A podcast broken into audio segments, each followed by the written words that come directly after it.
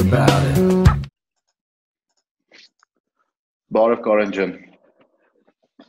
Բարի օր։ Ուրախ եմ, որ այսօր մեր մոտ հյուր եք։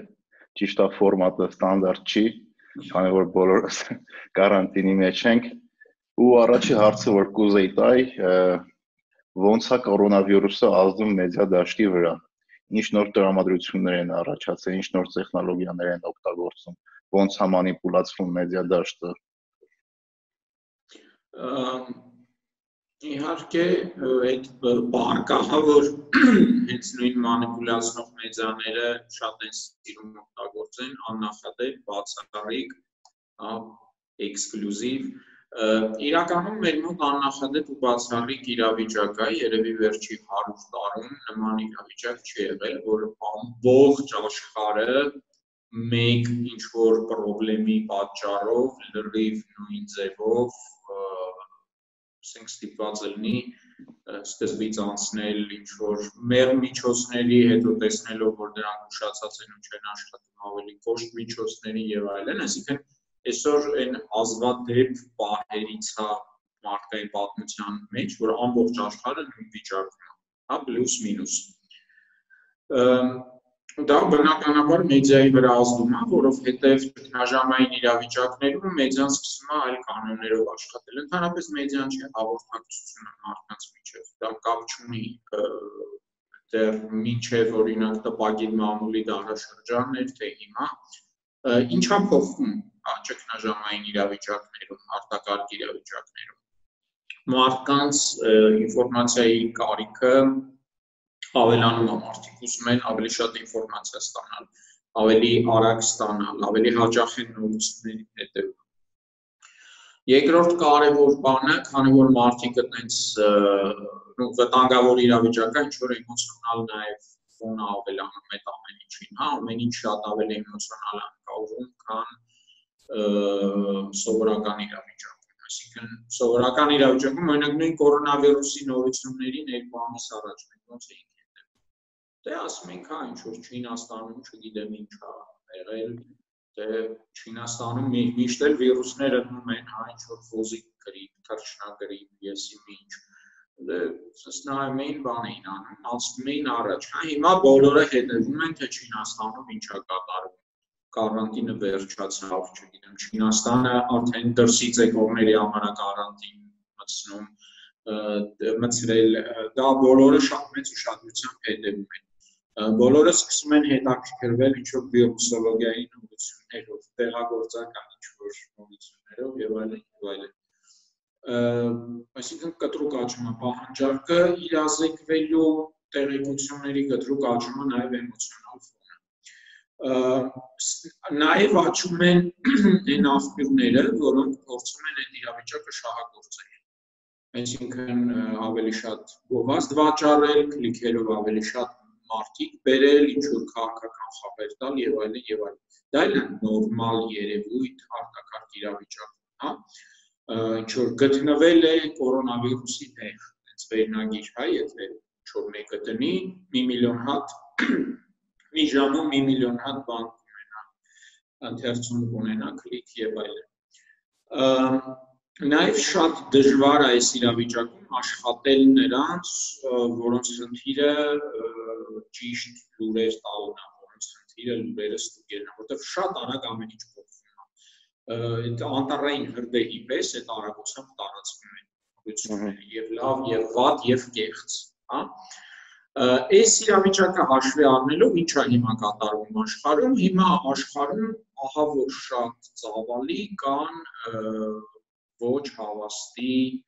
դեռ չստուգված կամ մասամբ ստուգված, խեղաթյուրված կամ լրիվ զրոյից հնարած բաներ, լուրեր, հա, ինֆորմացիա։ Ընդհանրապես հիմա ասենց դրախտային իրավիճակա զանազան դավադրապաշտների համար, պոպուլիստների համար, ինչի ինչի է դրախտային իրավիճակ, որովհետև երբ որ կա անհանգստություն, երբ որ չկա լուծում, մարդիկ ավելի հակված են գնելու ինչ որ, ասենց ասեմ, չստուգված հա բաների հետևից։ Օրինակ, նո իհարկե Աստված հերո պահի մեզ նայողներից մեկի մոտ նման իրավիճակ կլինի, բայց օրինակ Եթե ինչ որ մարդը մահացու հիվանդություն ունի, բան ինքը նույնիսկ սկսում է հավատալ ինչ որ զանազան ժուլիկների, ինչ որ կախարդությունների եւ այլն, որովհետեւ եթե ամբուժել է հիվանդությունը, արդեն հույսը կտրել է ու արդեն նո սուտ կոպիտ ասած աթեիստը դառնում է հավատացյալ կամ չգիտեմ, քանի որ վերջի հույսն է փորձենք ինչ հնարավոր է։ Քանի որ կա անհանգստություն մարդկանց մոտ, ու այդ անհանգստությունը աշխարհի որևէ իշխանություն չի կարողանում ինչ որ նորմալ պատասխանել այդ անհանգստությանը։ Ընդ որում դե բոլորը տեսնում են, որ իրավիճակներ են, ասենք, չգիտեմ, Հայաստանում եղել է բարեկային ժամ 90-99 թվականներին, բայց նույնիսկ այդ պարետային ժամի ժամանակ չի եղել խնդիր, որ մարդիկ դուրս գան, ասենք, բան, հա, փողոց դուրս գալու խնդիր չի եղել, ուղղակի ժամերի սահմանակապ։ Հիմա այնպիսի իրավիճակ է, որ ոնց որ թշնամին անտեսանելի է, թշնամին կարող է ամենուր լինի մարդկանց մոտ ինչ որ այնպես ծանր իրավիճակ կա հոգեվիճական այստեղծում իսկ այն մարդիկ ովքեր պաշտոնե պետք է այդ ինչ որ ձևի պատասխան տային այդ ամեն ինչին, հա, նո գերադասում են ցավոք դա էլ աշխարհի փորձը սկզբում գերադասում են բանանել բախուճապի մի մատնվեք սովորական գրիպի պես բանա հա ասենց ինչ որ բաներ են ասում քայլեր են ուշացնում իսկ հետո որ արդեն հետևանքները գնալով լրջանում ու գնալով շատ ավելի արագ դա կատարվում արդեն սկսում են ինչ որ ասենց արդեն իրանք են սկսում ըստ էության խոճապ տարածել ու իրանք քայլերից է սկսում խոճապ տարածվել մի վառ օրինակ հա մեր շատ սիրելի երկրի ղեկավարը բանալես չէ մարդկանց իբր կասկածները փարատելու խոճապը կասեցնելու չնայած չկարել խոճապ հայտարարեց, թե որ բարենամթերքից ինչքան կա, հա, Հայաստանում դե ասած մի ամսվա ձեթ կա ու ինչ եղավ մարդիկ բոլորը գծվեցին ձեթ առնելու որովհետեւ այդ ինչ ասելու բաներ էլի հաց ասում է որ հենց այդ մարդիկ ովքեր ի պաշտպանը պետք է ամեն ինչ անեն որ մարդիկ վստահ լինեն ուսենք ընդհակառակ ինչ որ ճանեն դառած այդպեսի բան այդ հնարավոր է կանխատեսել քու որ խոսքը, օրինակ եթե դու հանրային մարդ ես, ինչ որ արտահայտություններ ես անում տարբեր հարցերի շուրջ, հնարավոր է կանխատեսել այդ արտահայտությունը ինչ ազդեցություն կունենա հասարակության վրա։ Այդ շատ լավ հարց է։ Իրականում 100%-անոց կանխատեսել անհնարին է, նույնիսկ այնց կոմունիկացիայի ոլորտում կան այնց կատակ կատակով օրենքներ են, հա, կոչվում է bias laws for communication, Նա նորից կասես Կարեն ջան, լավ չլսեց։ WII այդ օ բանա ֆին ինքը պրոֆեսոր էր, տենց մի քանի կանոնա բան արել գրել, ու կատակ են բայց ասում է all communications fail except by accident այսինքն ինչ էլ ասես միշտ մի բասխալ է հասկացվելու Եթե ճիշտ է հասկացվում, ուրեմն դա պատահականություն է։ Ու իհարկե դա կատական, բայց ցանկացած հաղորդակցություն կարող է ունենալ կանխատեսված ու անկանխատեսելի հետևանքներ, հա, տարբեր ձևի կարգի։ Նամանավանդ տարբեր լսարաններում, սա կոմունիկացիայի օրենքներից մեկն է, որ ամեն մի լսարան իր ձևով անկալում, կախված իր բեքգրաունդից, կախված իր ինչ որ մշակութային առանձնահատկություններից, կրթական ցենզից եւ այլն բայց ցանկացած դեպքում կան բաներ, որոնք կարելի է ասել աքսիոմներ են, հա։ Երբ որ դու խոսում ես, ասենք, ենթադրենք կա բնակչության, չգիտեմ, 10%, որոնք մտահոգված են ինչ-որ սննդի բաշարներով։ Եթե դու դուս ես գալի այդ մակարդակով խոսում ես, որ ամեն ինչ լավ է, մտահոգվեք, դրանով սկսում են ավելի շատ մտահոգվել բնական, ովքեր միջև այդ չէին մտածել։ Ավելին, եթե դու ասում ես, ասենք, չգիտեմ, ձեթը մի ամսվա է, մի ամսվա ձեթը այդ նորմալ մարդու մոտավորը պատկերացնում, սենց է, որ եթե օրինակ մարդուն ասես պաշարներ արա ինչքան կանի ինքը, դե կակ մինիմում մի ամսվա պաշարներ կանի, հա, եթե ինքը տեսնում է որ պետությունը մի ամսվա ձեթի պաշար ունի, ինքը սկսում է հանգստանալ։ Դե վիրա պատկերացման պետությունը պետք է ունենար անverջ պաշարներ։ Հիմա կան պետքա դու մարդկանց սկսես բացատրել այն ամբողջ մեխանիզմը ոնց է աշխատում, օրինակ ռազմավարական պաշար տակելու, ունենալու, մեր մոտ դա օրենքով է իդեպ սահմանված, հա, այդ ռազմավարական պաշարը ինչա, դերակալ իրավիճակների պաշարը ինչա եւ այլն եւ այլն բայց այդ ամեն ինչը դու չես կարող մարդկանց նստես Facebook-յան live-ով 10 րոպեում բացատրես դա ասենք լուրջ ինչ որ այդ ոլորտում հա գիտելիքներ են պետք եւ այլն եւ այլն դրա համար կամ պետք է ասել որ ժողովրդյան մի մտահոգվեք բանել ամեն ինչ որպեսի դա խանութներում այդ ձեթը միշտ լինում ինչեւ հիմա էլ ձեթը լցված է խանութներում ի տարբերություն օրինակ գրեչկայի կամ էլ դու ուրեմն մի խոս այդ թեմայից։ Ու ընդհանրապես ռազմավարական պաշարների մասին խոսելը սխալ է, որտեղ մենք լսում ենք ոչ միայն ասենք մեր երկրի քաղաքացիներ, այլ նաև այն երկրների մասնագետները, որոնք պլաններ են մշակում, հա, ինչքան ժամանակում կարող են Հայաստանին հարվածել կամ եթե պատերազմ լինի Հայաստանը ինչքան կարող է դիմադրել եւ այլն եւ այլն։ Այդ ռեսուրսների մասին խոսելը սխալ է։ Հիմա կարելի է զգուշակել, որ տենց խնդիր կլինի։ Եթե ինձ հարցնեին, ես կասեի, այո, դա խնդիր է լինելու պետք չի դրա մասին խոսել, պետք չի դրա վրա շեշտ դնել։ Ու իմ ճանաչած բոլոր մասնագետները հաղորդակցման, հա, PR-ի եւ այլն արայի կապերի ոլորտի բոլորն էլ դա հասկանում Այսինքն տվյալ դեպքում կարելի է գուշակել։ Իհարկե միշտ չի որ հնարավոր է գուշակել հաղորդակցության արդյունքը կլինի ուզած դեպքում, թե չէ, բայց այս դեպքում սա ակնհայտ է, որ մշտքի այնուամենայնիվ խնդրահարույց է։ Էլի հարց կար ոնց որ թե հենց կոմունիկացիաների հետ կապված։ Հայ, մյուս հարցն է կորոնավիրուսի նորությունները, այս այտենց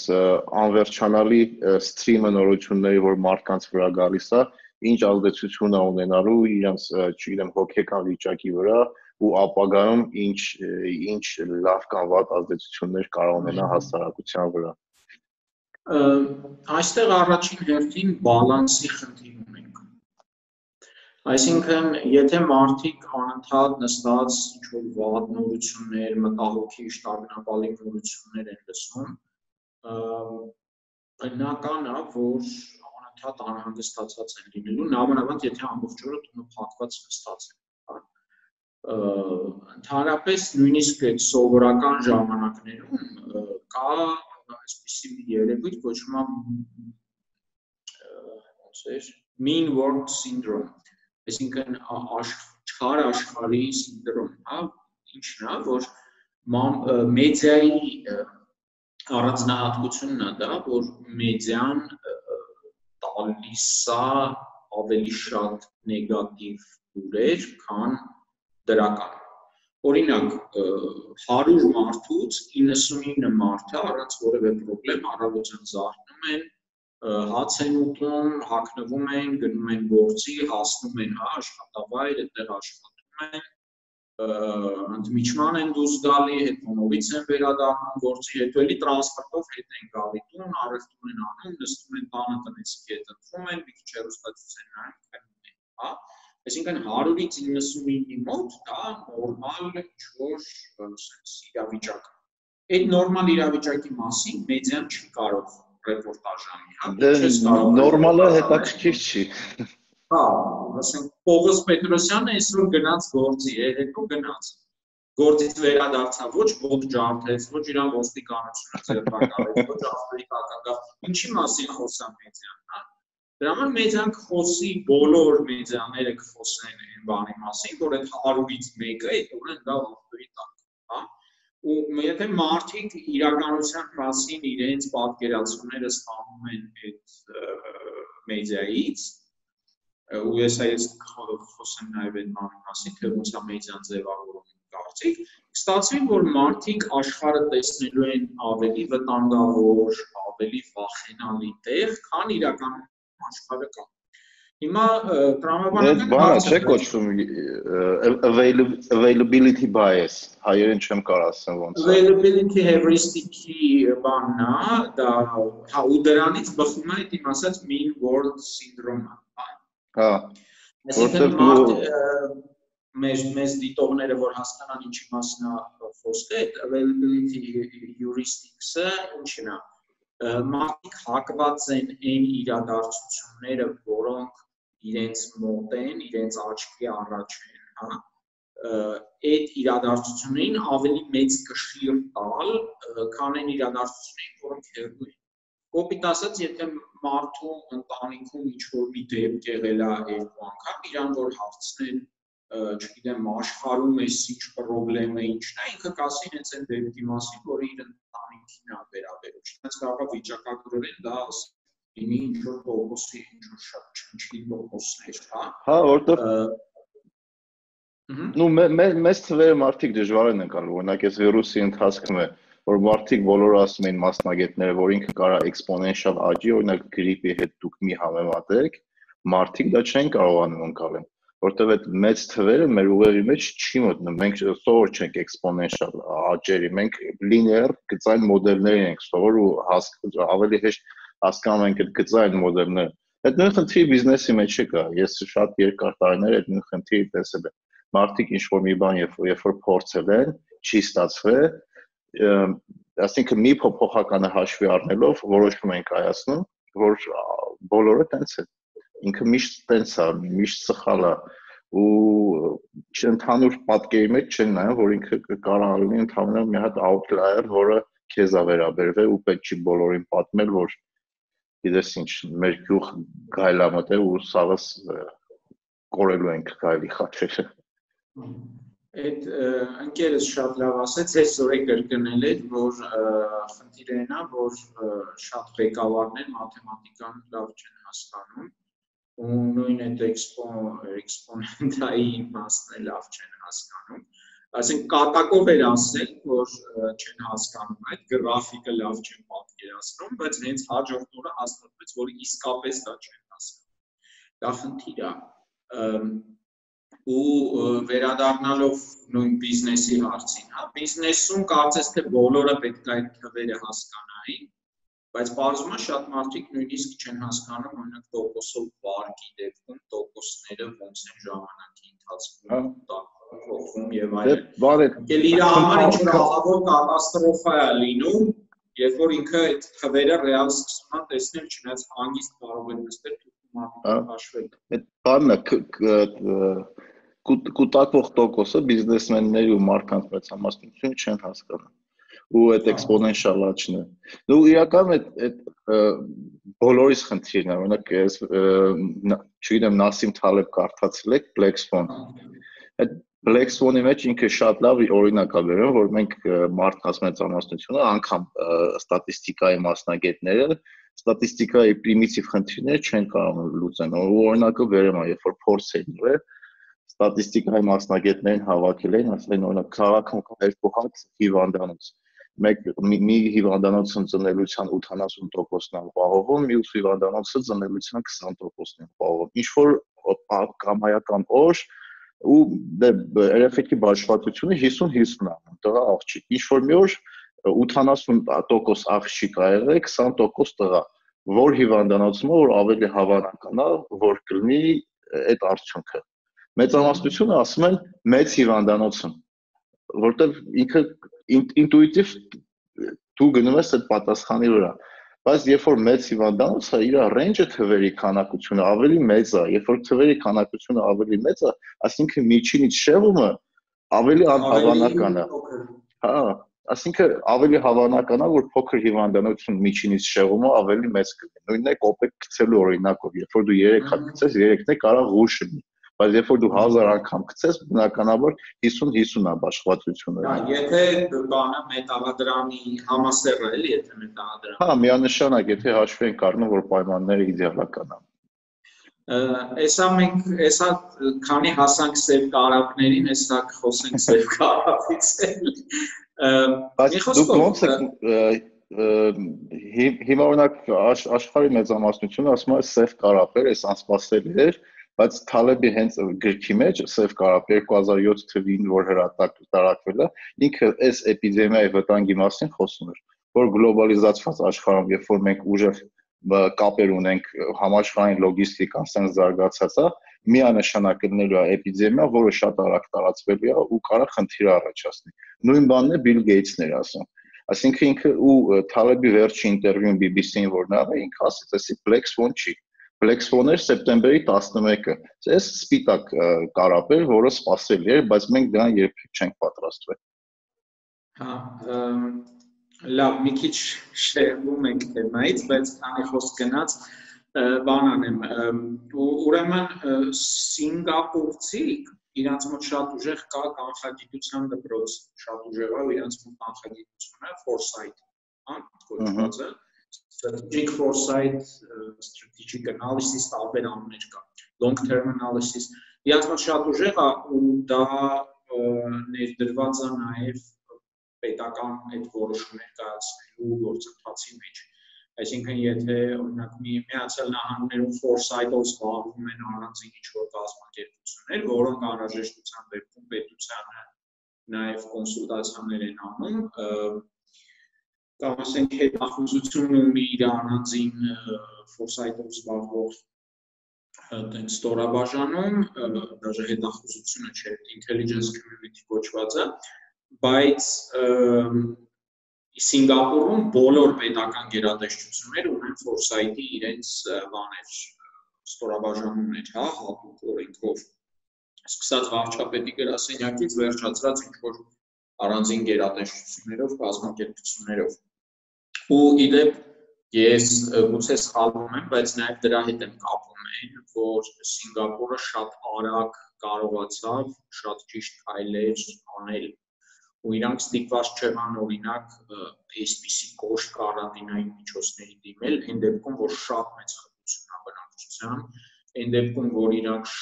աշխարհի խոշորագույն տրանսպորտային հանգույցներն, այսինքն շատ մեծ է շարժերը, բայց ոնց որ թե կարողացան հենց ամենասկզբից զսպել էլի այդ ամեն ինչը ու հա զարգանում է, բայց շատ ավելի դանդաղ, քան իրանց դեպքում դա կարող էր լինել։ Մի բան, որ օրինակ չկարողացան անել Միացյալ Նահանգները Իտալիայի մասին էլ չեմ խոսում։ Հիմա ինչ ինչ էին իրանք առաջարկել, բացի Black Swan-ից կա նաև Black Elephant, հա, հասկացողությունը։ Այդ այն երևույթն է, որը թվում է թե Black Swan-ը, բայց իրականում ինքը այն Elephant in the Room, հա, փիղը սենյակում է։ Հա, փիղը սենյակում չենք տեսնում։ Այն որ բոլորը զգում են, որ ինքը կա, էլի բոլորի խանգարում է, բոլորի աչքը բայց այս պահին քաղաքականապես օրինակ չեն ուզում ընդունել այդ երևույթի այդ վտանգի այդ ռիսկի արկայությունը, հա։ Ու եթե այս համաճարակը գուզե միջև ասենք հունվարի 10-15 դեռ կարելի է որպես black swan դա ձևակերպել ապա աշխարհի երկրներում, գոնե լուրջ երկրներում, հունվարի մոտավորապես 15 ից արդեն ինքը անցավ black elephant իրավիճակի, հա։ Ես անձամբ ինքս ոնց էի այդ թեմայով սկսել հետաքրքրվել ու լուսաբանել դե մեր ոլորտը ռազմականն է, հա, ռազմի մասնագիտացված կայքի, բայց շատ քիչ մարդիկ են գիտեն, հասկանում են, որ համաճարակները դա նախ եւ առաջ ռազմական թեմա է։ Շատ քիչ մարդ գիտի, որ ասենք շատ պատերազմներում համաճարակներից ավելի շատ մարդ է մահանում, քան մարդի դաշտում կամ սովից, հա եղելա որ համաճարակների պատճառով ասենք պատերազմներ են պարտվել, չգիտեմ, քաղաքներ են պաշարված, հանձնվել, ստիպված կամ ընդհակառակը պաշարողների մեջ համաճարակ սկսվել, իրանք են ստիպված եղել նահանջել եւ այլն։ Այդ կարանտինային միջոցների լոգիստիկան, բան, այդ ամեն ինչը ռազմական ըստ էության միջոցառումներ են, հա, բարետային ժամի ապահովում, վերահսկողություն չթողել մարդկանց այդ տեղաշարժը շատ մեծ թվերով եւ այլն մեծ քանակներով մի խոսքով այս ամեն ինչը ռազմական խնդիրներ են ու դե կորոնավիրուսի մասին ասենք հունվարից եթե դու հատուկ մասնագետ ես որ հետևում ես ասենք բան հա այդ առողջապահության միջազգային կազմակերպության արշավացիան համաշխարհային կազմակերպության ռեպորտներին, եթե հատուկ չես հետևում, դա ինձ թվում է դրան մենակ նույնիսկ բժիշկների մեծ մասը դրանց չեն հետևում։ Բայց օրինակ այն սիգնալը մեր հա-, Հայաստանի համար, այն սիգնալը, որ Ռուսաստանը փակել է սահմանը երկաթուղային ուղևորափոխադրումների համար Չինաստանից, սա արդեն շատ ուժեղ սիգնալ պետք է լիներ մեր համար։ Իսկ դες դեպք եղել էր Չինաստանի հետ էլի։ Ինչ Դες դեպք եղել էր Չինաստանի հետ, Ռուսաստանը երբևէ փակել էր։ Հենց ես տենց բան տեսա, առաջի ռեակցիան մի հատ հասկանամ, իսկ տենց բան երբևէ եղել է, թե չէ նախքին։ Սկսեցի փնտրել նման բան չգտա։ Այսինքն սա արդեն շատ ուժեղ սիգնալ է, որ ինչ որ շատ արտարոց մի բան է կատարվում։ Այդ հետո արդեն մենք իմացանք, որ օրինակ Միացյալ Նահանգներում այդ փակ հանձնաժողովի կոնգրեսի նատի բանդակին փակ գաղտնի զեկույց էին տվել հնարավոր հետևանքների մասին համաշխարհային տնտեսության համար նաև Միացյալ Նահանգների տնտեսության համար ու այդ սենատորներից մի քանիսը անմիջապես գնացել էին սկսել էին իրենց բաժնետոմսերը վաճառել։ Հատա հունվարի Այդ մեծ մեծ խնդիր եղավ։ Այս վերջերս New York Times-ը դրա մասին գրել։ Բայց այսինքն Միացյալ Նահանգներում հստակ ֆիքսել էին, որ սա շատ լուրջ խնդիրների է բերելու դեռ հունվարի 20-ի կողմերն չէ, երրորդ տասնամյակում մեջ։ Հա, հունվարի վերջ։ Հա, իսկ այդ զեկույցը մի օրում չեն պատրաստել, այսինքն արդեն այդ խնդրով մտահոգված են եղել առնվազն հունվարի կեսերից։ Նույնը օրինակ Ռուսաստանում առաջին մեթոդական ձեռնարկը ֆորտների COVID-ի դեմ պայքարելու համար իրենց առողջապահության նախարարությունը հրապարակել է հունվարի 30-ին Այսինքն առնվազն գոնե մի շաբաթ 10-ով շուտ մարդկանց մասնագիտական խումբ է կազմակերպվել աշխատանքային։ Ու այդ մասնագետների բոլորը լուրջ մարդիկ են։ 40 հոգանոց խումբ է։ Այդ խմբին հանձնարարվել է, որ մի հատ խորացեք հասկացեք, ես ինչա կատարվում, հա։ Ինձ թվում է իրականում շատ ավելի վաղ է այս ինֆորմացիան տարածվել, որտեղ դե թե Միացյալ Նահանգները, թե Ռուսաստանը, թե մի ուրիշ երկրներ ունեն եւ իրենց հետախուզական ցանցերը, ունեն նաեւ մասնագետներ հենց հետախուզության ոլորտում, հա, համաճարակականության։ Սա ընդհանրապես շատ լուրջ հարց է։ Հիմա երբ պետք է Հայաստանում խառնվեն իրար։ Հունվարի 30-ից ստեղծվել է միջգերատեսչական հանձնաժողով այդ կորոնավիրուսի ինձ թվում է որ դա ավելի շատ եղել է ձևական ինչ-որ բան կապված է ԱՀԿ-ի հայտարարությունների հետ, հա, եթե առողջապահության համաշխարհային կազմակերպությունը ինչ-որ բաներ է ուղարկում, զգուշացումներ, ըստ դրա ինչ-որ գործընթացներ պետք է տարբեր երկրներում արվեն։ Իրականում մենք ասենք գրել է ավելի շատ ֆիկտիվ բնույթ, հա, այդ։ Ինձ թվում է հա, դե պետքա լիներ ինչ որ մի բան արել ենք էլի այդ բանով, հա, որ այս ասենք ինչ որ մի բան արել ենք, հա։ Հա, հետևել ենք։ Չասեք հետո բան չենք արել, էլի այդ այդ լոգիկայի մեջ որովհետև եթե այդ հանձնաժողովը լուրջ աշխատեր, ինձ թվում է շատ ավելի լուրջ կլներ, հա, վերաբերմունքը անձամբ ինձ արդեն པարզ էր, որ սա եկել հասցել է մեր դուր, երբ որ Իրանը հայտարարեց երկ առաջի երկու մահացածների մասին, որում ինչ եղավ, Իրանը չհայտնեց վարակվածների մասին։ Իրանը հայտնեց, որ երկու վարակված կան ու նույն օրը երեկոյան պարզ դարձավ, որ մահացել են։ Այսինքն սա նշանակում է, որ առնվազն երկու շաբաթ Իրանում կային վարակվածներ, սա նշանակում է, որ այդ վարակվածները կարող էին արդեն էին հա հիվանդությունը։ Ընդ որում դեպքերը ղոմում էին, իսկ ղոմը դա ուխտատեղի է շիաների համար, ամբողջ աշխարհից գալիս էին այդտեղ։ Ես օրինակ մտա հենց այդ լուրերը եղան, ես մտա սկսեցի Facebook-ում zoom geolocation-ով նայել ղոմից ինչ ֆոտոներ կան, ինչ գրառումներ կան, ասենք տեսա մի պակիստանցու գրառում, որը հենց այդ սրբատեղիներում էր, հա, մսկիթների մոտ էր, ընդեղից սելֆիներ էր դնում ու երևում էր, որ դեռ փետրվարի 17-ին, 18-ին, 19-ին, ասենք աշխարհի տարբեր տեղերից այդտեղ մարդիկ կային, շիաներ, ասենք այս ակնհայտ հա, այդ ասիական աշկերով բան եւ այլն, այսինքն ամբողջ աշխարհից ընդհանրապես մի հոգու վրա ֆոտոն դիմակ երևաց, մնացած բոլորը բանային այդպես հանգիստ իրար գլխի կուտակված եւ այլն, այսինքն ակնհայտ է որ Ռոմում այդ վարակը եթե ինքն ինքը շատ արագ տարածվելու էր ու ես այդ օրվանից սկսել եմ օրինակ հարցադրումներ անել Facebook-ում շատ լավ իմանալով որ որպես դիմադին հա հետևում են մոնիթորինգ անում են ու գրածները նաև հասնում են տեղ են հասնում բանը սկսեցի գրել որ սա լուրջ խնդիր է ու մենք շատ արագ պետքա դիտարկենք Իրանի հետ Իրանից մարդկանց հոսքը կողմի կրճատելու համար նամանավանդ որ այս նովրուզներ, հա, նովրուզը պետք է լիներ, այնց ֆանատիկ 20 կողորավա ու բանա դա խնդիր է առաջացնելու մեր մոտ։ Առաջին ռեակցիան հավոսրտին է, որ խոճապ եք տարածում, ոնց եք պատկերացնում Իրանի հետ սահմանը փակելը, բանտեսությունը, բարես բան Չնայած ես օրինակ ասում եմ, որ բեռնափոխադրումներին դա չպետք է վերաբերվի, դա պետք է հենց տուրիստական ոսկի վերաբերվի ու նաև համապատասխան կարանտինային միջոցներ են պետք։ Հիմա դա արվեց, դա արվեց մոտ 4-5 օր ուշացմամբ։ Եթե հիմա շատ չխորանանք, իմ կարծիքով միակ կառույցը Հայաստանը, որ ժամանակին ճիշտ ռեակցիա արեց, դա բանակն էր։ Բանակում փետրվարի 25-ից թե 26-ից կարանտինացվեց զորամասերում։ Ճիշտ է, էլի այնքան կոշտ կարանտին չէր, որովհետև ասենք ժամկետայինների համար կարանտին էր, բայց պայմանագրայինները, սպաները գնում գալիս էին տուն եւ այլն բայց գոնե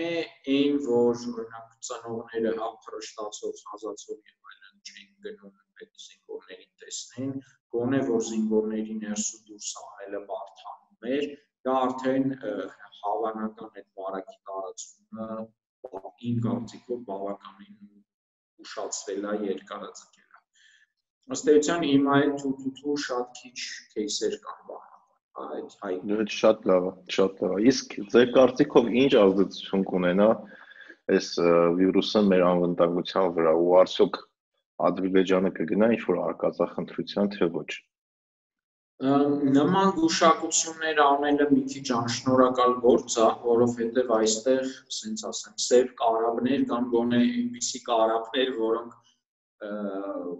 մեր համար են սև, հա, այսինքն մենք հիմա չգիտենք այս պահին ինչա պլանավորվում Ադրբեջանի զինված ուժերի շտաբում կամ ինչա խոսվում Իլհամ Ալիևը իր պաշտպանության նախարարի հետ հակոմ է հեռախոսով, բայց կարող են գնահատել տեսնել ինչ ռիսկեր կա։ Ну, որպես ռիսկ ես տեսնում եմ այն, որ Ադրբեջանը երբ իր մոտ ծանր տնտեսական վիճակ է ստեղծվում, երբ որ բողոքները շատանում են, է, որ չի կարողանում վերահսկել, իրանք չեն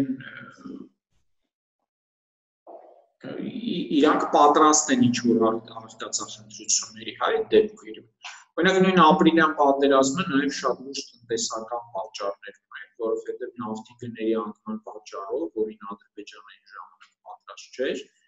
այդ գների անկման պատճառով տնտեսական շատ լուրջ խնդիրներ ունեցան 14 թվականի վերջից սկսված 15-ը բավականին ծանր տարի էր իրաց համար ու իրենք այդ նաև ռեյտինգ բարձրացնելու նաև բնակչության աչքերում ինչ-որ վստահություն վերականգնելու համար այդ թվում նաև դրա համար սկսեցին այդ ռազմական գործողությունները հարցը այն ավակի որ հիմա իրենց մոտ իրավիճակը շատ ավելի ծանր է քան ժամանակ ճիշտ է հիմա իրանք ունեն պաշտարներ մոտ ասենք չգիտեմ տարի ու կես երկու տարի կարող են գուցե առանց նավթ վաճառել ընդհանրապես յոլա գնալ, բայց հենց այսօրվա տվյալներով կարծեմ արդեն 17 դոլար էր ազերի լայթը։ Այո, պատմական ցածրագները։ Ինչ։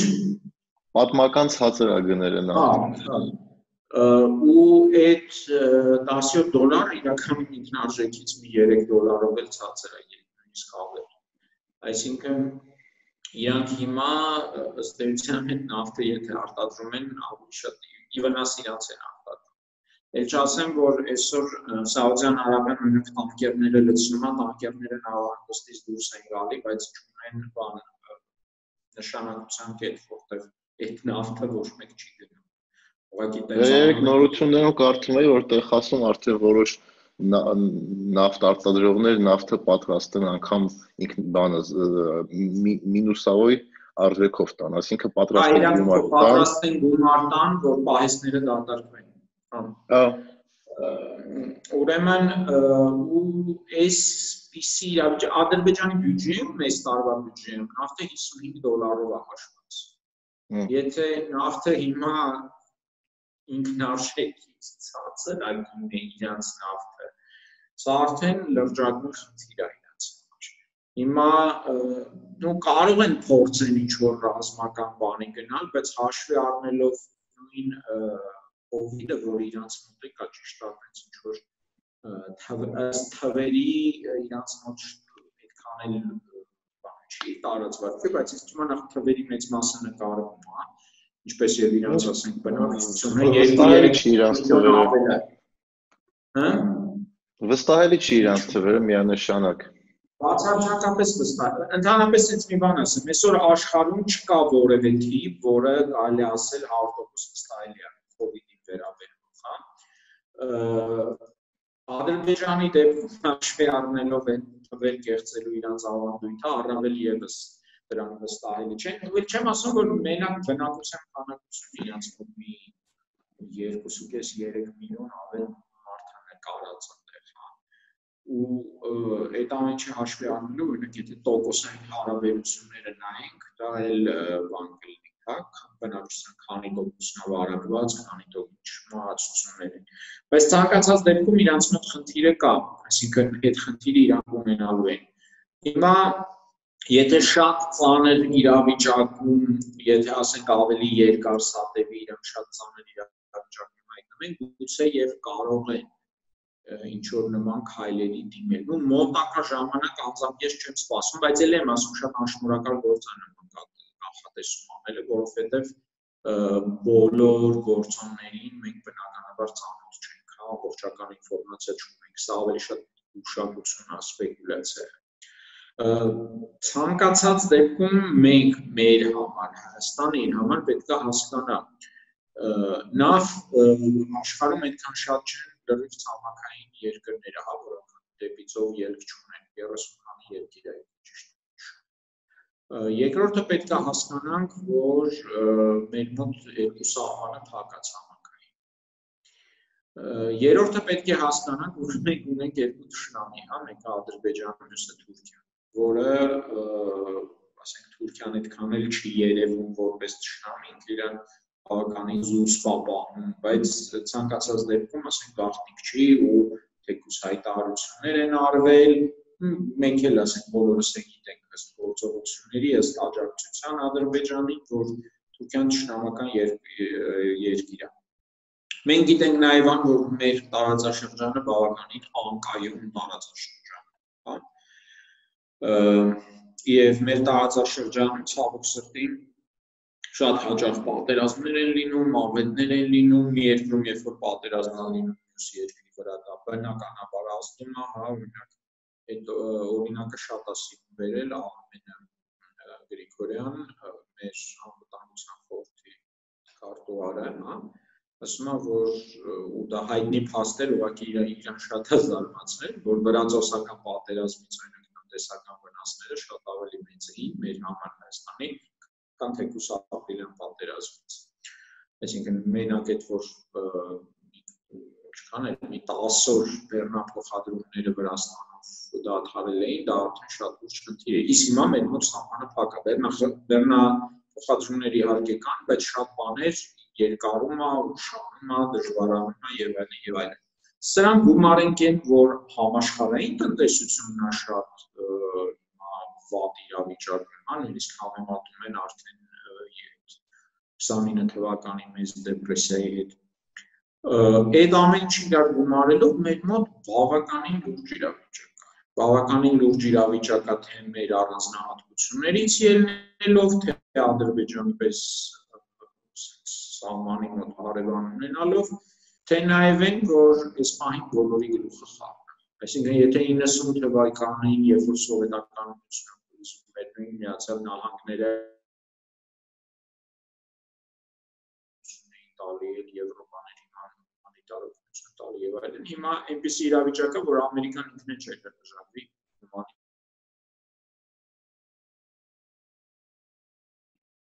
Ալո Մեր մոտ իսկապես շատ լուրջ իրավիճակ է ու այդ լուրջ իրավիճակում ես օրինակ ակնկալում եմ իշխանություններից նաև շատ լուրջ մոտեցում Այսինքն, նո արդեն ոնց որ թե չեն կապակում այն թեմայով, որ կորոնավիրուսը լուծվելու, բայց այդտեղ արդեն մենակ թթի արաբի հարցը չի, ու նույնիսկ մենակ կորոնավիրուսի հարցը չի։ Մենք ունենք հասարակության մոբիլիզացիայի խնդիր, այսինքն հասարակությունը տվյալ դեպքում պետք է զգա որպես մեկ ամբողջ այդ ուղությամբ աշխատանք ես դեռ չեմ տեսնում։ Դեռ այդ բաժանումները, այդ քաղաքական վիտակավորումը, այդ ամեն ինչը կա ու ոչ միտեղ չի գնացել, հա։ Ես դեռ տեսնում եմ ցենց ասեմ, հանրությանը մոբիլիզացնելու համար շատ կարևոր նախապայման է, որ իշխանությունը անկեղծ խաղա։ Ցավոք սրտին մենք այս պահին չունենք անկեղծ խաղ ու այս ընդունված նույնպես հետևելու օրենքները, հա, հերախոսների գեոլոկացիայի օրենքները, նաև այն թե ոնց դա ընդունվեց, ըստ էության դիմությանը նիստի չկանչելով, հա, այդ այդ խայտարակություն էր։ Հա, դա абսուրդ է։ Էլ իրականում էլ ինչի է պետք արժան, էլի, այս դեպքում մի հոգու էդություն հոգի մի հոգու նշանակեն, ասենք Արարատ Միրզոյանին նշանակեն ինքը պաշտոնապես կոչվի օրենքներ, կառավարության օրենքներ դակով ու դրանով վերջացնենք։ Այս մենակ այդ արժեն հանգիստ կարելի է կառավարային կենտրոն սարքել, հա, այդտեղ ասենք շատ հարմար է մեծ տեղա լիքը առանձին սենյակներ կան լայն աչքա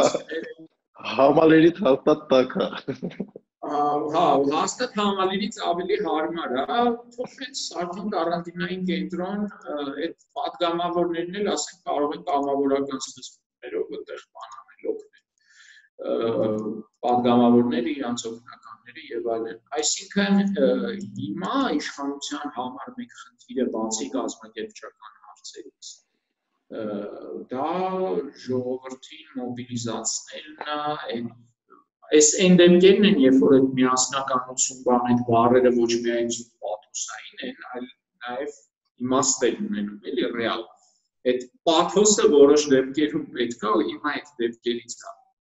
Պաթոս ասելը պետք հայրենասիրական միավորով բանն է, բայց այս պահին ես նման գործողություններ դեռ չեմ տեսել։ Իսկ իսկ ո՞նց է այդ ամեն ինչը ազգի մոտ արտնան։ Ես օրինակ ապրիլյանի այսօր ապրիլյանի հիշատակի օրն է, ես շատ լավ հիշում եմ, էլի ոնց մի անգամից բոլորս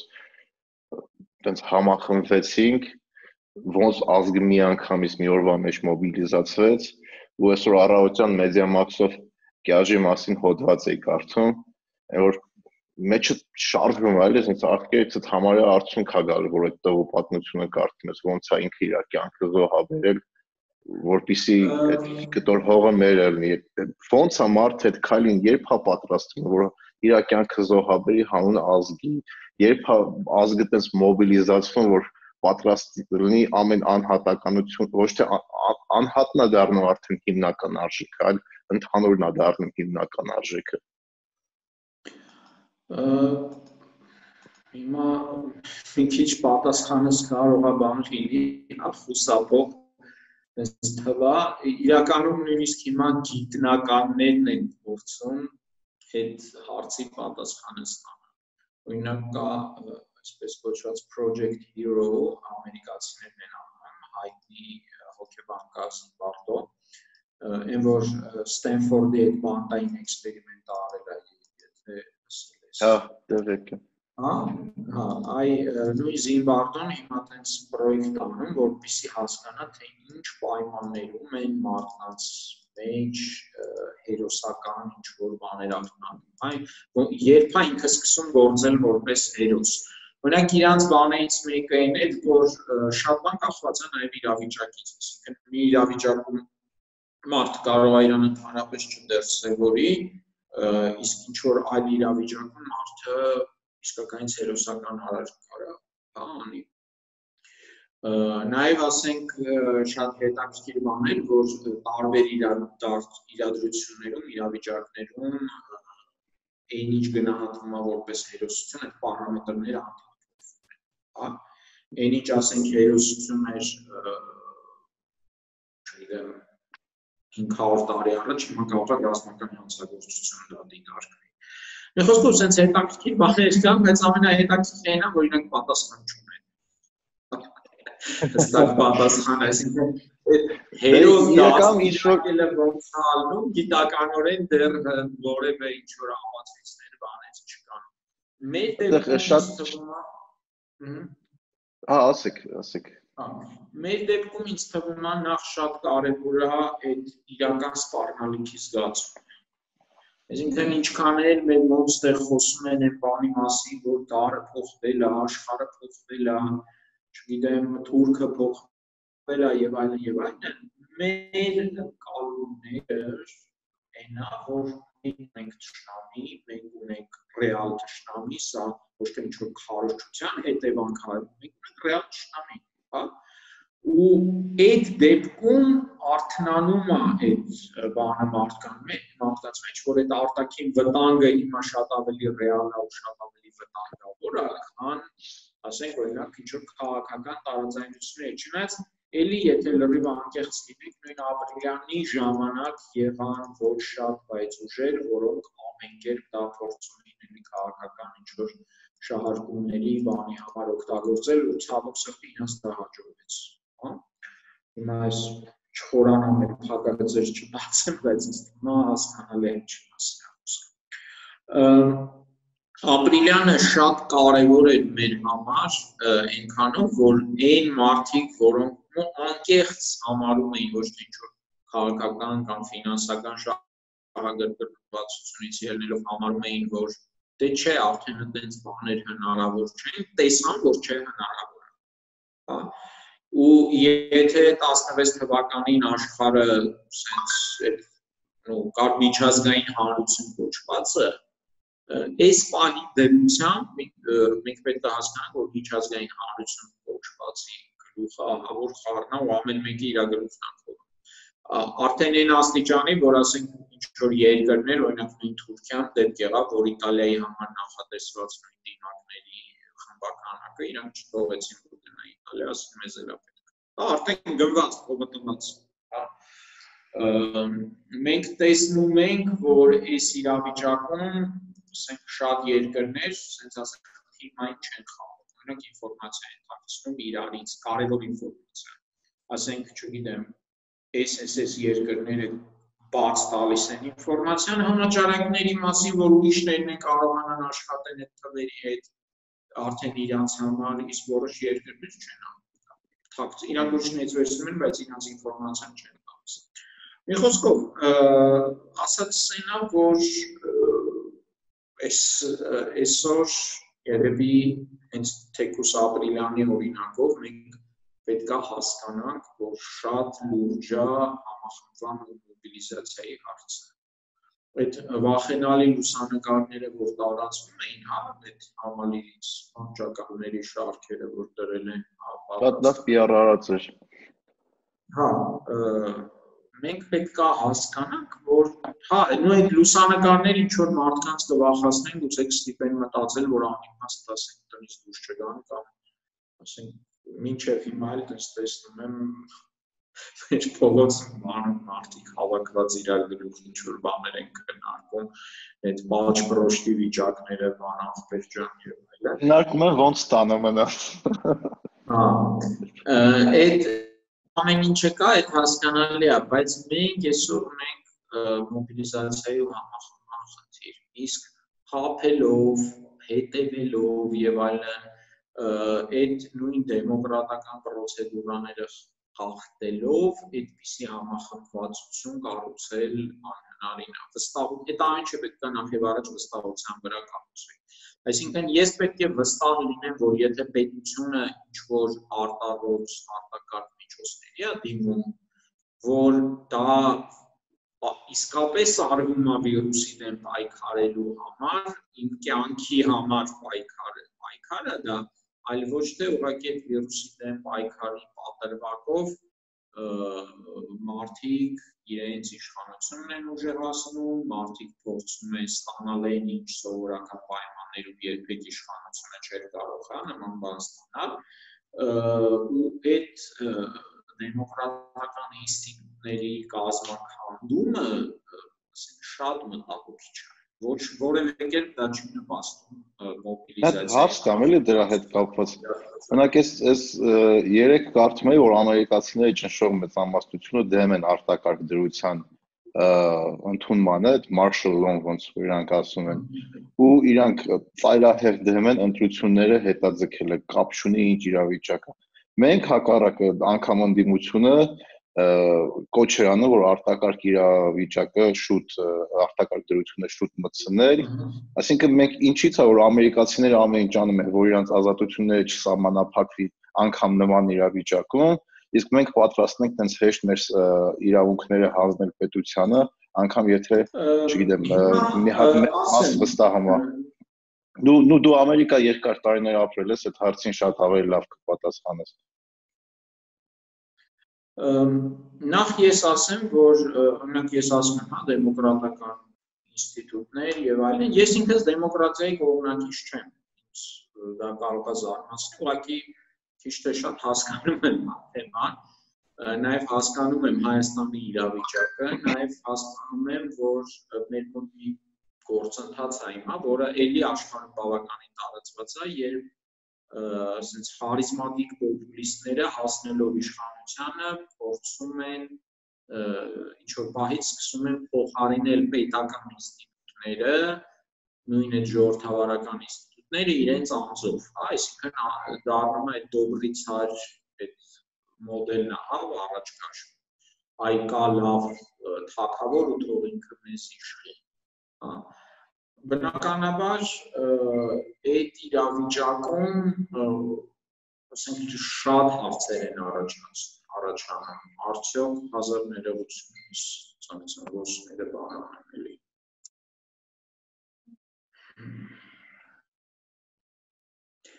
ուրեմն հա, հետեւյալը հապորցենք հասկանալ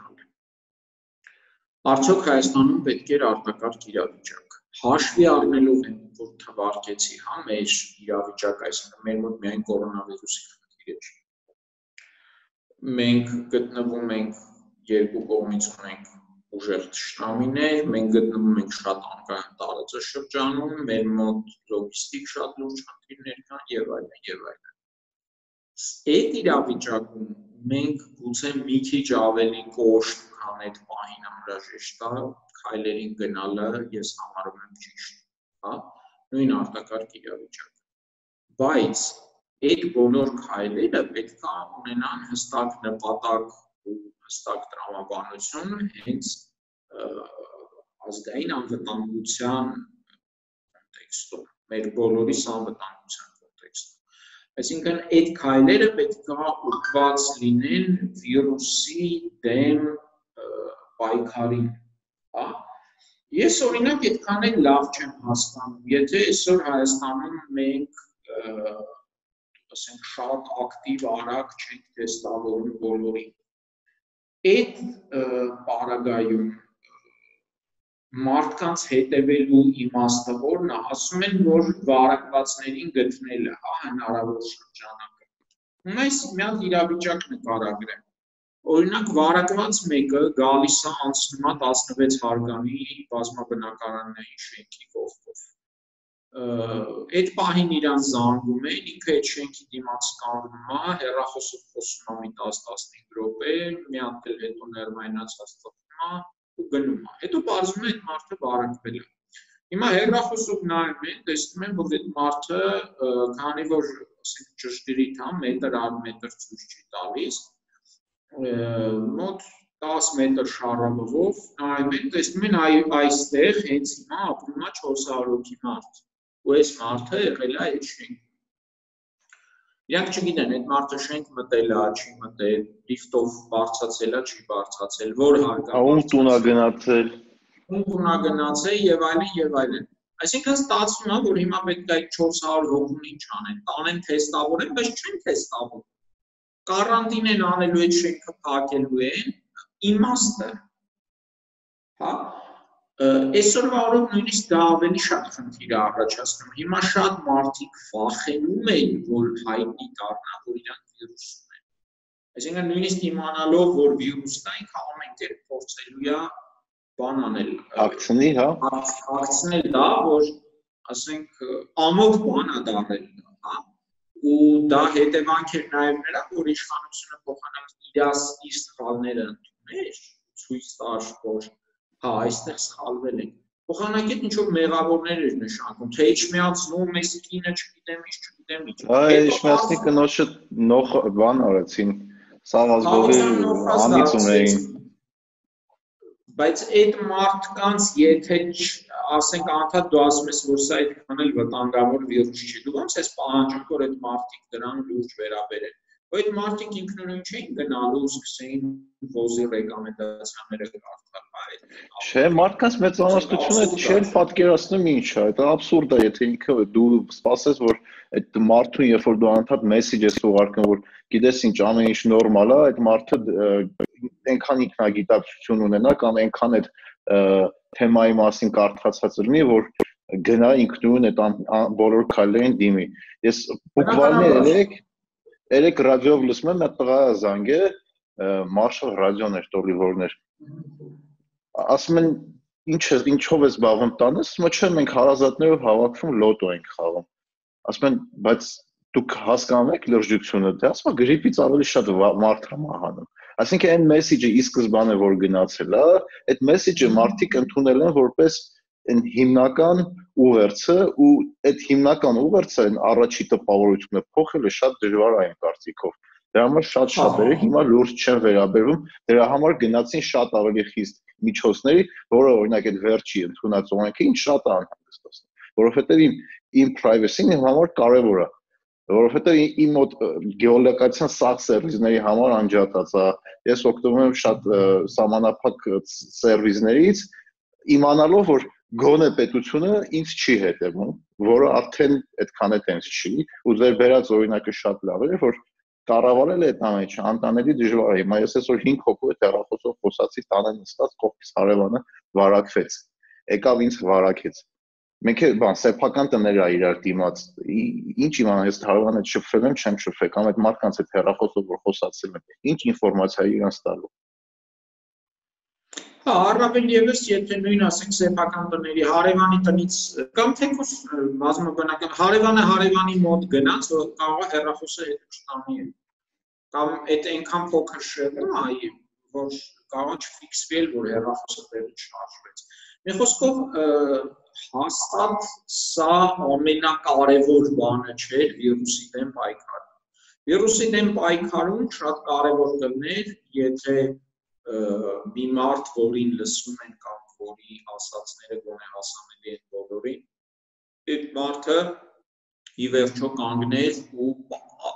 ռեալ բացատրել խնդիրները որն են։ Թե ինչու է օրինակ մեկ էլ այդ բանը, հա, որ էլի շատ տարածված է, դե հիմնականում ծերերն են ծաներ տանում, մահանում են ծերերը։ Դա ճիշտ ինֆորմացիա չի նախ նու ասենք վիճակագրորեն կարող է տենցա, բայց քանի որ տեղի ունենում առողջապահության համակարգի կոլապս, ուժում են բոլոր, այսինքն այն մարդը, որը ոտը ջարդելու է, վաղը էլի խնդիր ունենալու անկախ նրանից ինքը հիվանդություն ունի, թե չունի, ինչ ունի, ասենք նույն շտապօգնությունը իրանոց կարող է դաժան ուժ գա, կարող է ընդհանրապես չտա նույն այն բժիշկը, որ պետք է իրանց ինչ որ բան անի, այդ բժիշկը էլի զբաղված ալնելու, որտեղ իրան նման էլի ավելի շատ պացիենտներ են ելնելու։ Այսօր հայտարարեցին, որ Գրիգոր Լուսավորիչ կենտրոնը ասեն բոլոր հիվանդներին այդտեղից հանում են ու հենց այս կորոնավիրուսի դեմ պայքարի կենտրոն են ստեղծում, հա, այդտեղ լրացուցիչ նորից բացի, որտեղ նորքը արդեն չի հերիք։ Եվ այլն եւ այլն, այսինքն այս իրավիճակում սա բոլորին է վերաբերում։ Մարդը կարող է մահանալ ոչ թե կորոնավիրուսից, այլ թեկուզ ինչ որ չգիտեմ, ուրիշ հիվանդությունից, որը ժամանակին չեն հասցնելու արձագանքել, որովհետև ռեանիմացիան զբաղված է լինելու եւ այլն եւ այլն, որտեղ շնչառական ապարատ չի լինելու ու ի վերջո այդ որ ասում են մեծերն են մեծերն են եւ մեծերը մերը չեն դե ով ասեց որ եթե մեծ է ուրեմն օքեյ է որ մարդը մահանա այսինքն այդ հիմար սխալ թեզերը որ մցվել էին իբր հանգստացնելու համար հիմա իրականում աշխատում են շատ ավելի մեծ վնաս են տալի քան ասենք այն որ ինչ որ մեկը տեղաշարժվում է ասենք իշխան ու իշխանությունը դա չի վերահսում չկան եթե հարցի երկրորդ մասին վերաբերվել անդրադառնանք ինչ ենք մենք մեր ազատություններին այնց թեթև նայում իսկ ամերիկացիները տենց պայքար են տալիս որ արտակարգ դուրսություն չմցրվի ու հանկարծ ընտրությունները չտեղափոխվի նախագահական նո ինձ թվում է նույն միացյալ նահանգներում էլ կան նախ եւ առաջ քաղաքական շատ լուրջ պատճառներ, հա, հիմքեր, որտեղ այդ պայքարը դեմոկրատների ընդդեմ Թրամփի այդ ահավոր սրված է իրանց։ Այսինքն ես չգիտեմ ինչքանով են անկեղծ են մարդիկ, որոնք ասում են, որ չէ ընտրություններ պետք է լինեն, հա։ Մյուս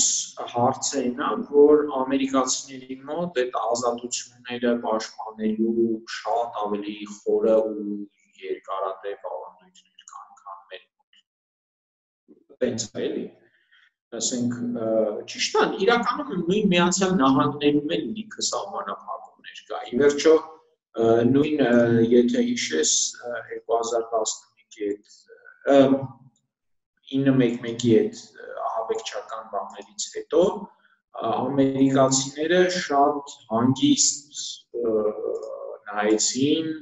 այդ Patriot Act-ին, գաղտնալսման լիքորինգներ, ահա, այդ ժամանակ անցկացվեց չգիտեմ հիշում ես թե չէ շատ հեշտ է ընդունում որտեվ այդ շոկը կար հա այդ ոնց վախից նույն նույն վախից թվում է մեր մոտ է հիմա կա հա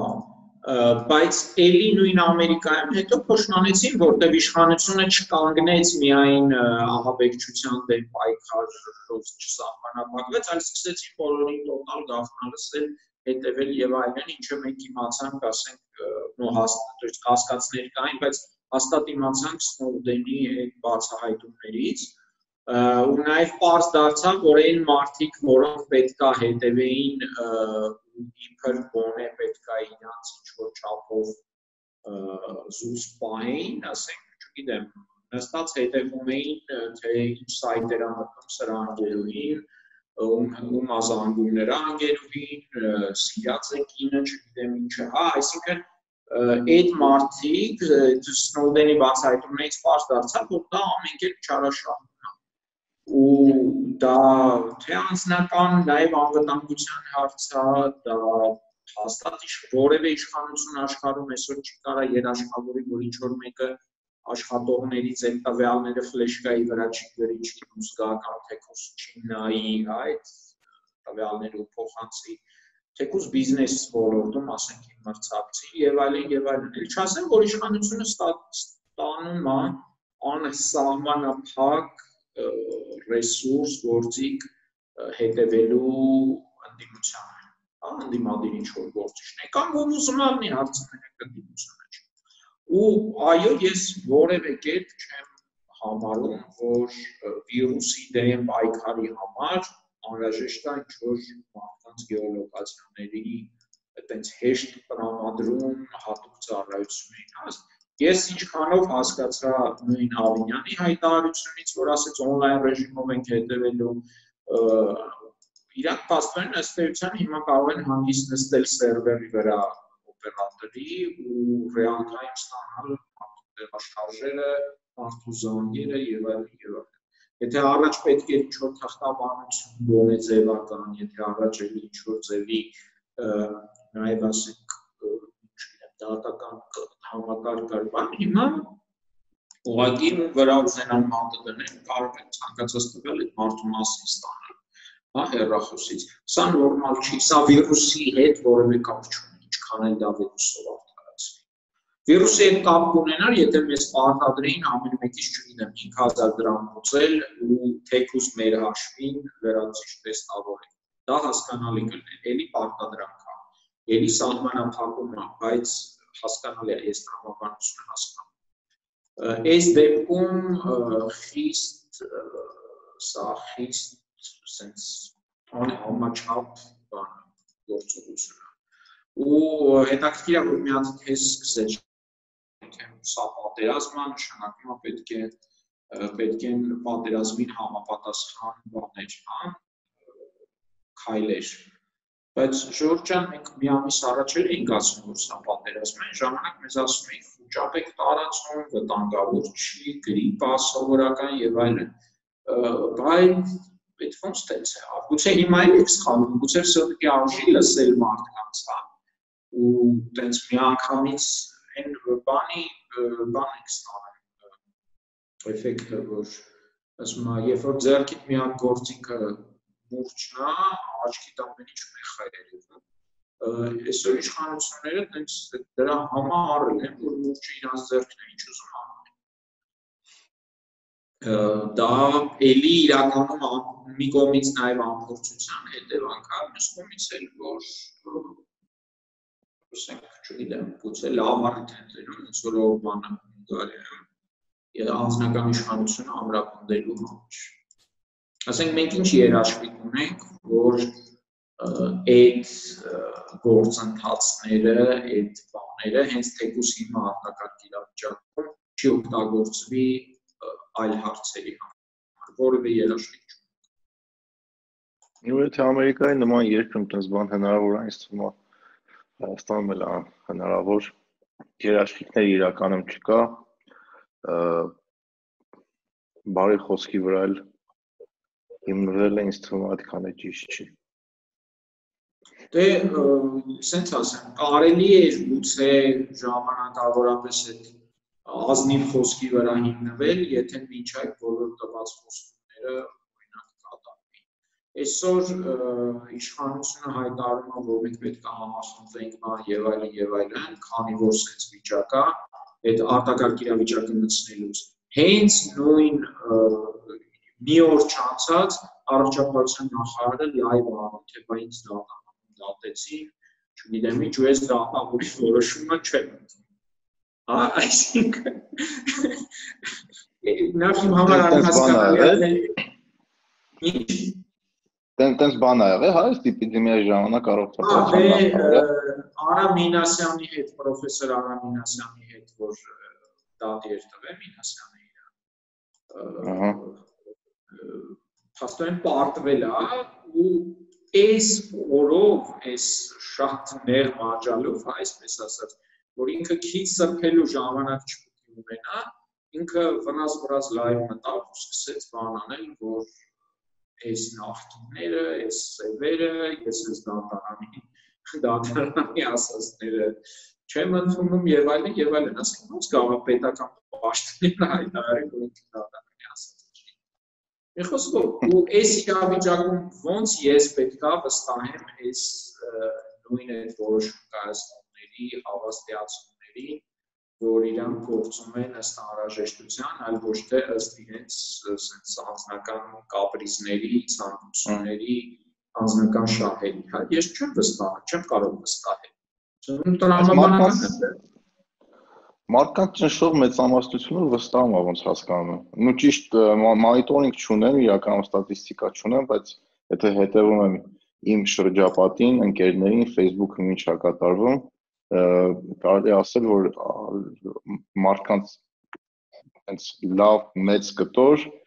լրիվ օքեյ են այս օրենքի հետ ու ընդհանրապես ոչ մի վտանգ չեն տեսնում ու շատ անգամ այդ այդ վստահության էֆեկտը գալիս է օրինակ fake օկտատերերից, երբ որ դու ինչ որ նորության տակ բացում ես, ես մեզ լիքը կոմենտներ ա, որոնք աջերջ կանանում, աջակցում են գործող իշխանությանը կամ հակառակը դեմ են գործող իշխանությանը ու երբ որ դու բացում ես այդ մարդկանց պրոֆիլներն անում ես, հասկանում ես համ երկու կողմերից է անտանելի քանակությամբ ֆեյքեր կան։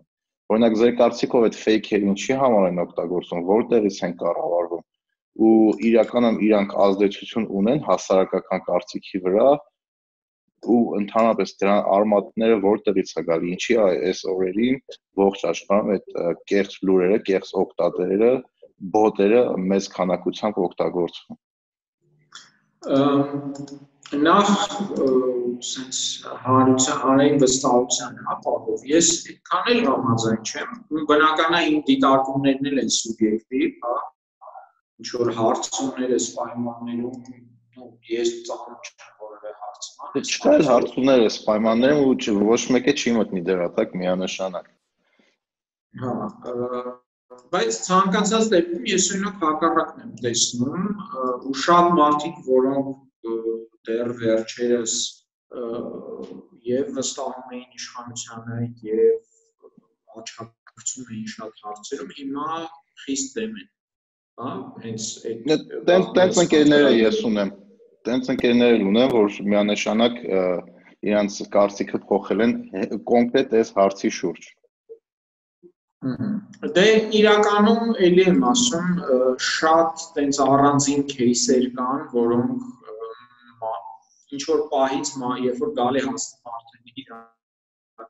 մոտ ալինում, ինքը արդեն սկսում է հարցականի տակ դնել այդ բոլոր հավաստիացումները, այ երբ որ արդեն սկսում անձամբ իրեն վերաբերել Հիմա ինչ վերաբերում է ֆեյքեր օգտագործելու ու այսպես ասած կեղծ հանրային կարծիք ստեղծելու, որ ինչ որ պահից դառնում է իրական։ Դե սա էլի հայտնի հա հոգեբանական բան է, հայտնի քարոշչական դրուկ է, դեռ 30-ականների դրա անունը դրել էին bandwagon effect, այն որ բոլոր երբ որ տեսնում են մարդիկ, որ ինչ որ թվով մարդիկ ինչ որ բանի միանում են, արդեն այդ գործի տակ ընկնելով իրանք էլ են միանում, սա ապացուցված ինչ-որ բան է, նաև գիտականորեն ապացուցված է, որ այդպիսի բան կա, ու բնական է, որ շատ ուժեր, թե իշխանական, թե հակաիշխանական, թե ինչ որ իրենց խաղեց տանող ուժեր, այդ փորձում են օգտագործել հանրի ֆեյքերով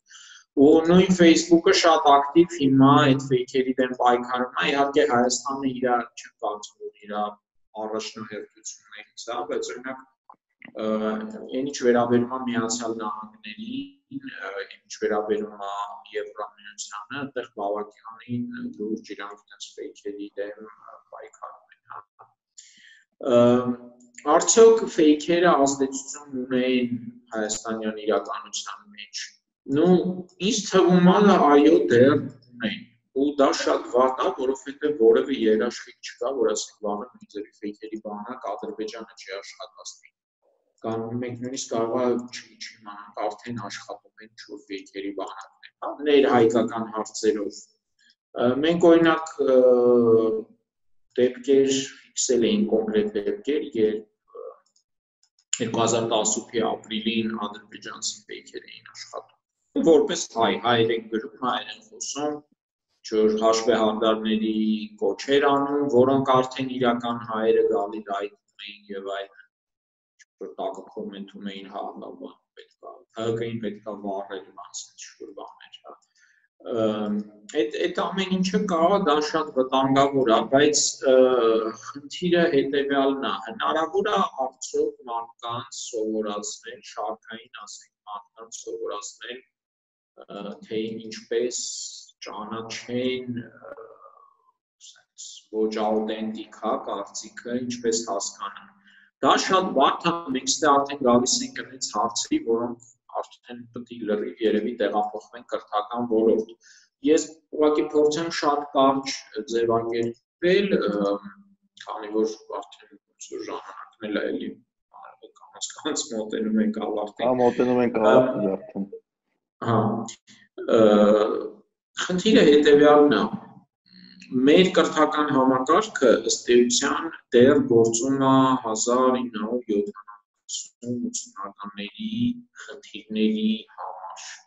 Այսինքն սովետական միությունը ուներ ինչ-որ խնդիրներ։ Այդ խնդիրները լուծելու համար համապատասխան կրթական համակարգ ուներ։ Հիմա ունեին իրանց թերությունները, ունեին իր ինչ որ անհավելությունները, բայց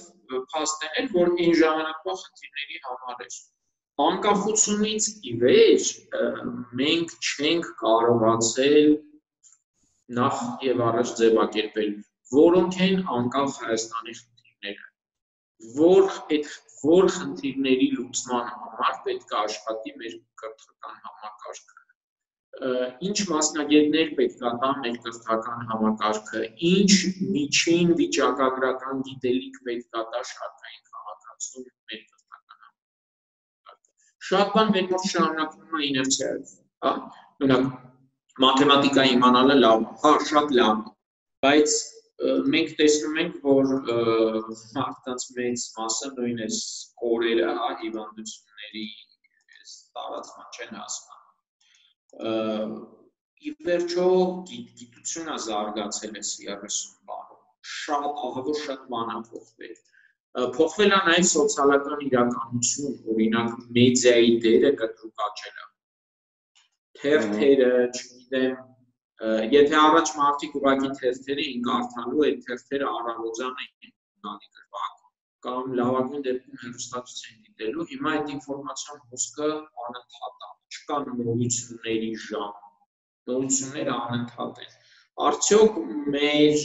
կրթական համակարգը պատրաստում է մարդկանց, որոնք կարող են ապրել ու աշխատել եւ առանց խափվելու այդ պայմաններում։ Ես կարծում եմ, որ չէ, չի կարող պատրաստել։ Հնարավոր է պատրաստել, թե չէ, ես այդքան էլ, հա, абսուրդ թող չթվա այդ հարցը, որովհետև մենք ինչ ունենք հիմա, մենք ունենք այս իրավիճակը նույն է տեքստ էքսպոնենտայով զարգանում, հա, եթե ասենք, չգիտեմ, տպագրության գյուտից մինչև առաջին թերթերի ստեղծում անցավ ենթադրենք 250 տարի կամ 300 ապա կամ չգիտեմ 100 տարի անցավ մինչև ստեղծվեց հետո ռադիոն ընդհանրապես մի 50 տարի մինչև ստեղծվեց հեռուստատեսությունը հետո մի 30 տարուց ինտերնետ այսինքն այդ արագանում են այդ process-ները ու այդ ամեն մի process-ը փոխում է իրականություն փոխում է իրավիճակ մենք այսօր արդեն այն իրավիճակում ենք, որ եթե առաջ ոնց էր, ասում էին բալես մի հատ նորմալ մասնագիտություն ստացի ու ամբողջ կյանքը բան կանես, հա, քեզ կպահես։ Հիմա արդեն դες չի։ Դուք այսօր Հայաստանում համասարաններում մարդիկ ստանում են մասնագիտություններ, որոնք վերանալու են արդեն այն ժամանակ, երբ որ իրենք համասարան ավարտացին։ Հա Ու այս այս օրերին ամենակարևորը adaptive լինելն է։ Adaptive ոնց է հայերեն քանջան բառը չի։ Մենք պետք է հիմա արդեն ասում են, որ ստանդարտը այսօր կյանք մտնող երիտասարդի ստանդարտը լինելու է 2-3 մասնագիտություն փոխել առնվազն։ Ինձ թվում ավելի շատ։ Ինձ թվում է, որ ավել էլ նույնիսկ այդ ֆիքսված մասնագիտությունները չեն լինելու դա լինելու է ոչ թե ասենց անցավ 20 տարի ու փոխում ես քո մասնագիտությունը, այլ այդ 20 տարվա ընթացքում անընդհատ քո մասնագիտության մեջ պետք է անընդհատ ինչ-որ մանևրես, պետք է անընդհատ ինչ-որ նոր բաներ սովորես եւ այլն։ Իդեպ ես դու դրա լավ օրինակ ենք։ Երևի առաջ մի 3 մասնագիտություն փոխել եմ արդեն։ Ու հիմա առաջին կրթությամբ ասա կարաջը։ Հա, առաջին կրթությամբ ինժեներ եք, չէ՞ մասնագիտություն փոխելու խնդրի առաջ։ Չեմ ասում ամեն ինչ թողեմ նոր բանով զբաղվեմ, բայց հիմա օրենք ես տեսնում եմ մեր մասնագիտությունում վերլուծական այդ ոլորտում շատ ոչ խնդիրներ եմ տեսնում։ Սկսած բան այդ artificial intelligence, big data, այդ ամեն ինչը հիմա շատ ուժեղ մրցակցում է։ Հա, եթե դու այսօր չունես հնարավորություններ այդ ամեն ինչը օպտիմիզացնելու, դու 3-4-5 տարուց արդեն լինելու ես ոչ մրցունակ ու ամենա երևի տխուրայինը որ մեքենան է քեզ քեզ կարելու էլի այդ դաշտ ասենք այդ մեր պարտիկ ինտելեկտով այդ արդեն չի աշխատելու որտեղ տվյալների քանակով ինքը ավելի մեծ հնարավորություններ ունի Նո հա, քանի որ ինֆորմացիան շատացել է, անընդհատ ինֆորմացիայի հոսք կա, վերլուծաբանների համար շատ դժվար է այդ ամեն ինչը ձեռքով անել ու համակարգիչ հետ նոր անալիտիկ թուլեր է, ձեր ասած big data-ն էդի արդեն կարողանում է ավելի արագ ու որակել անել, քան սովորական մարդիկ։ Ու հիմա հարցը առաջանում, մենք այս ամեն ինչին մեր կրթական համակարգը այս ամեն ինչին պատրաստ է։ Օրինակ մեր մեդիա դաշտը ես պնդում եմ պատրաստ չի deep fake-երի,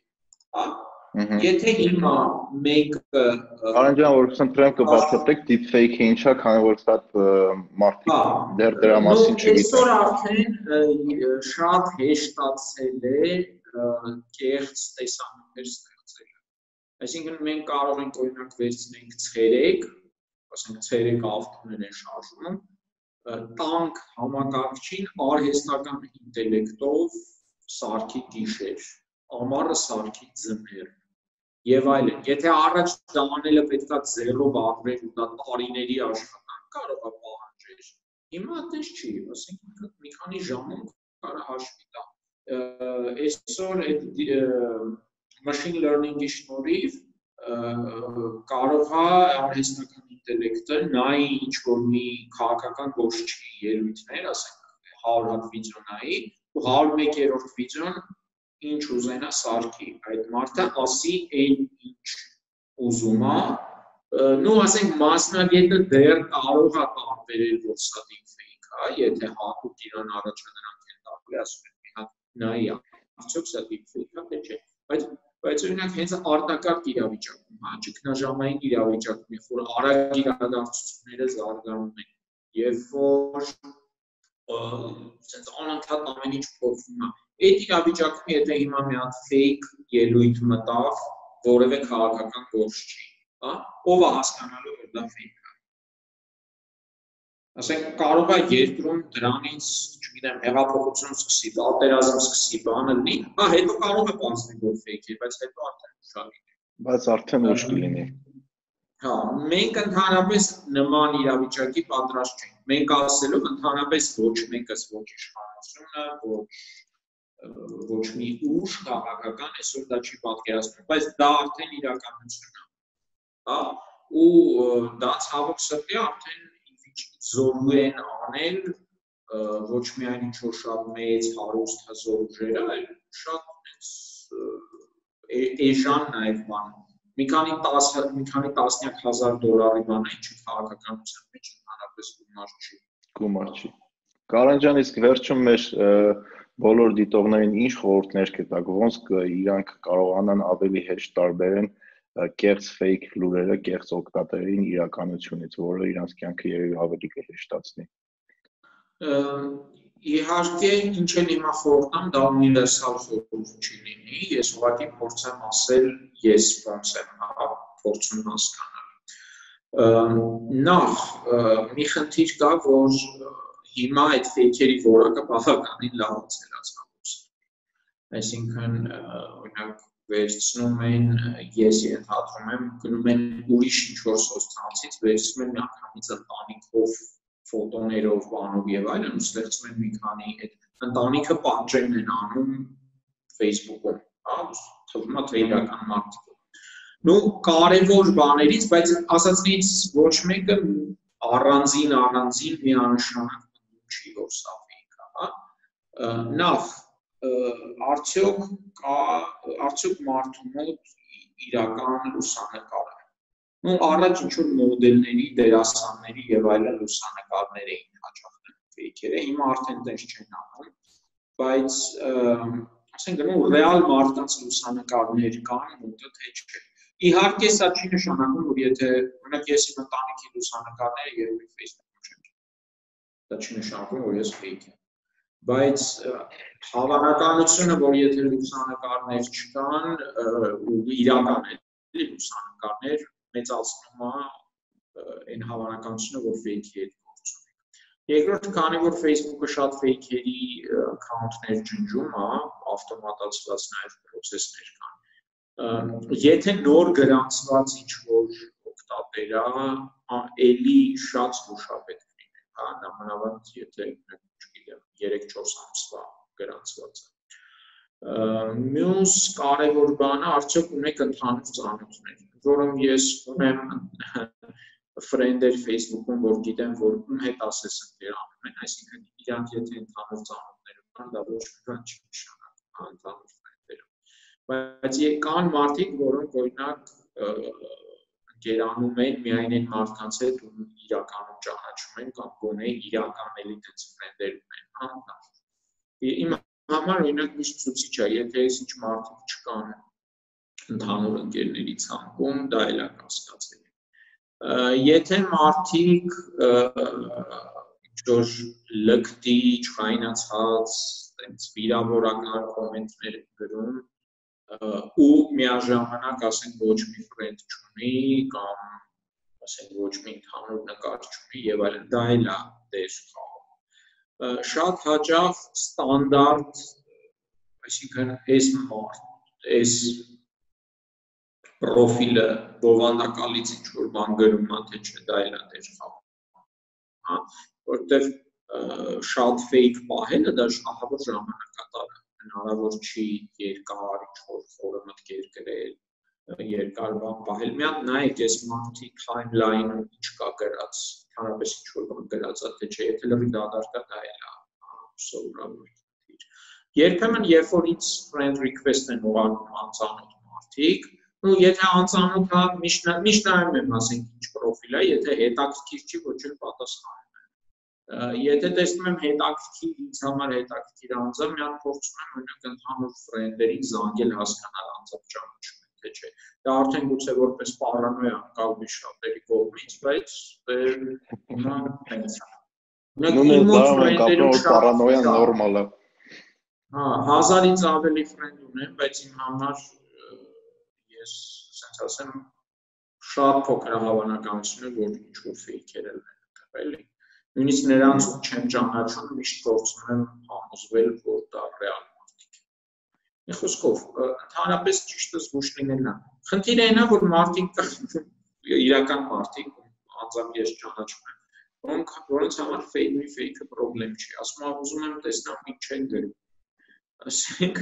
դե եթե գիտես որ ֆեյք են չի ուզում տեսնաս ինչ են գրում չգիտեմ Դե իրականում լոգիկա կա իրանց ասացի մեջ որովհետև այդ ֆեյքերը ինչ որ մեկի իդեաներն են առաջ տանում Դե բայց որևէ երաշխիք չկա որ դու ճիշտ ես հասկացել թե դա ֆեյքն է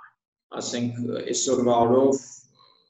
ասենց ասեմ հակա նիկոլական ֆեյքը կարող է ձևացնի որ ինքը նիկոլական ֆեյք է ու ընդհակառակը որpիսի ինչ որ պահին ինչ որ մի հատ գործողություն անի, հա, կտրում։ Ա շատ շատ հնարավոր է, ինչ որ ահավոր տենց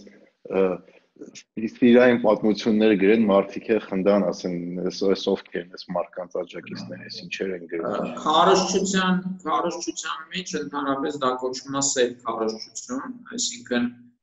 այն աղբյուրները որոնք հանդես են գալի ինչ որ մեկի անունից բայց իրականում ուրիշի խաղի մեջ են կամ նաև կան որոշ աղբյուրներ, որ հայտնի չի թե ռեալ մանից է խոսում էլի։ Մի խոսքով, այս ամենը խնդրահարույց է, դրա համար եթե մարդը հատուկ չի զբաղվում այս թեմաներով, շատ ավելի ճիշտ կլինի, որ ուղակի օրինակ անծանոթներից friend request-ներ չանի, որ անծանոթների կոմենտները ի գիտություն չընդունի Նամանավանդ եթե ինչ որ շատ էմոցիոնալ կոմենտներ են, նույն ասենք, չգիտեմ, լրատվա կայքերի այդ էջերում, որ էմոցիաների տակ ասում են, որ լցնել, հայհոյել, մեկ գով էլ անհասկանալի, դա էլ այդ դեպքում շատ абսուրդի հասնան են գովասանական այդ կոմենտը մեկը մի բան անգնում օ իմ սրտի նախարար կամ օ իմ սրտի ասենք անբնական է էլի իրական կյանքում ձև շատ քիչ է լինում, ով էլ լինում է, ասենք ողջինները վրան հասնել։ Այսինքն այդ շատ դրական կոմենտներն է կարանել են հակակարողություն։ Կարող են եւ հակակարողություն լինել, կարող են եւ հակակարողություն լինել, շատ բան կախված է լսարանից ու մահովված էլի։ Հա, է։ Հա, ես օրինակ այնուամենայնիվ, եթե իմ մոտ խնդիրը ներ մարդկանց կարծիքը հասկանալ Facebook-ում իրանց կոմենտներից, ես կփորձեի տարբեր ճանապարհներից ռեալ մարդիկ անցնել։ Հա, թեկուս իմ հետ չհամաձայնող հակառակ ճանապարհից, բայց ռեալ իրական։ Այդ շատ կարևոր է։ Երևի այսքանը նու էսի նմանատես իրավիճակում սենսացիոն ցանկացած լուրի պետք է զգուշությամբ վերաբերվել, փորձել գտնել սկզբնաղբյուրը։ Օրինակ ասում են, հա, կարող ասեն, տիպը չգիտեմ, 5000 նոր վարակագիրային ապերներ, ով ասեց, երբ ասեց, որտեղ է գրել, գնում ես, ինքդ նայում ես այդ աղբյուրը տենց բան գրելա թե չէ։ Իդեպ ես նաև դրա համար էի դեռ մարտի սկզբից ասում, որ պետքա միասնական տեղեկատվական կենտրոն, ոչ թե ամեն մի պաշտոնյա ըստ հարմարության ըստ իր կապրիզի կարողանա լայվ մտնի թվեր ասի, այլ պետքա մի հատ տեղ բոլորին ասի, որ վստահելի ինֆորմացիային միայն ստեղ։ Եթե պաշտոնյան ասելիք ունի, թող գնա նույն այդ միասնական կենտրոնում նստի բրիֆինգ եւ ինչ որ բան անի բարի, հա։ Հիմա կա, չէ, ակտիվա, տենց բան բացել են։ Դե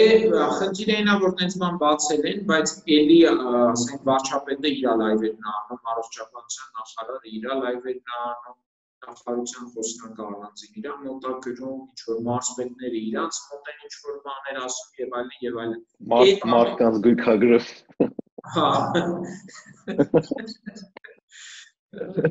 բանը, մի խոսքով, այդ ամեն ինչը պետք է արվի մի կանալով, որպեսզի այ մարդ իմանա, ես այս լոգոն տեսնում եմ, ես տեսնում եմ, որ սա պաշտոնական է։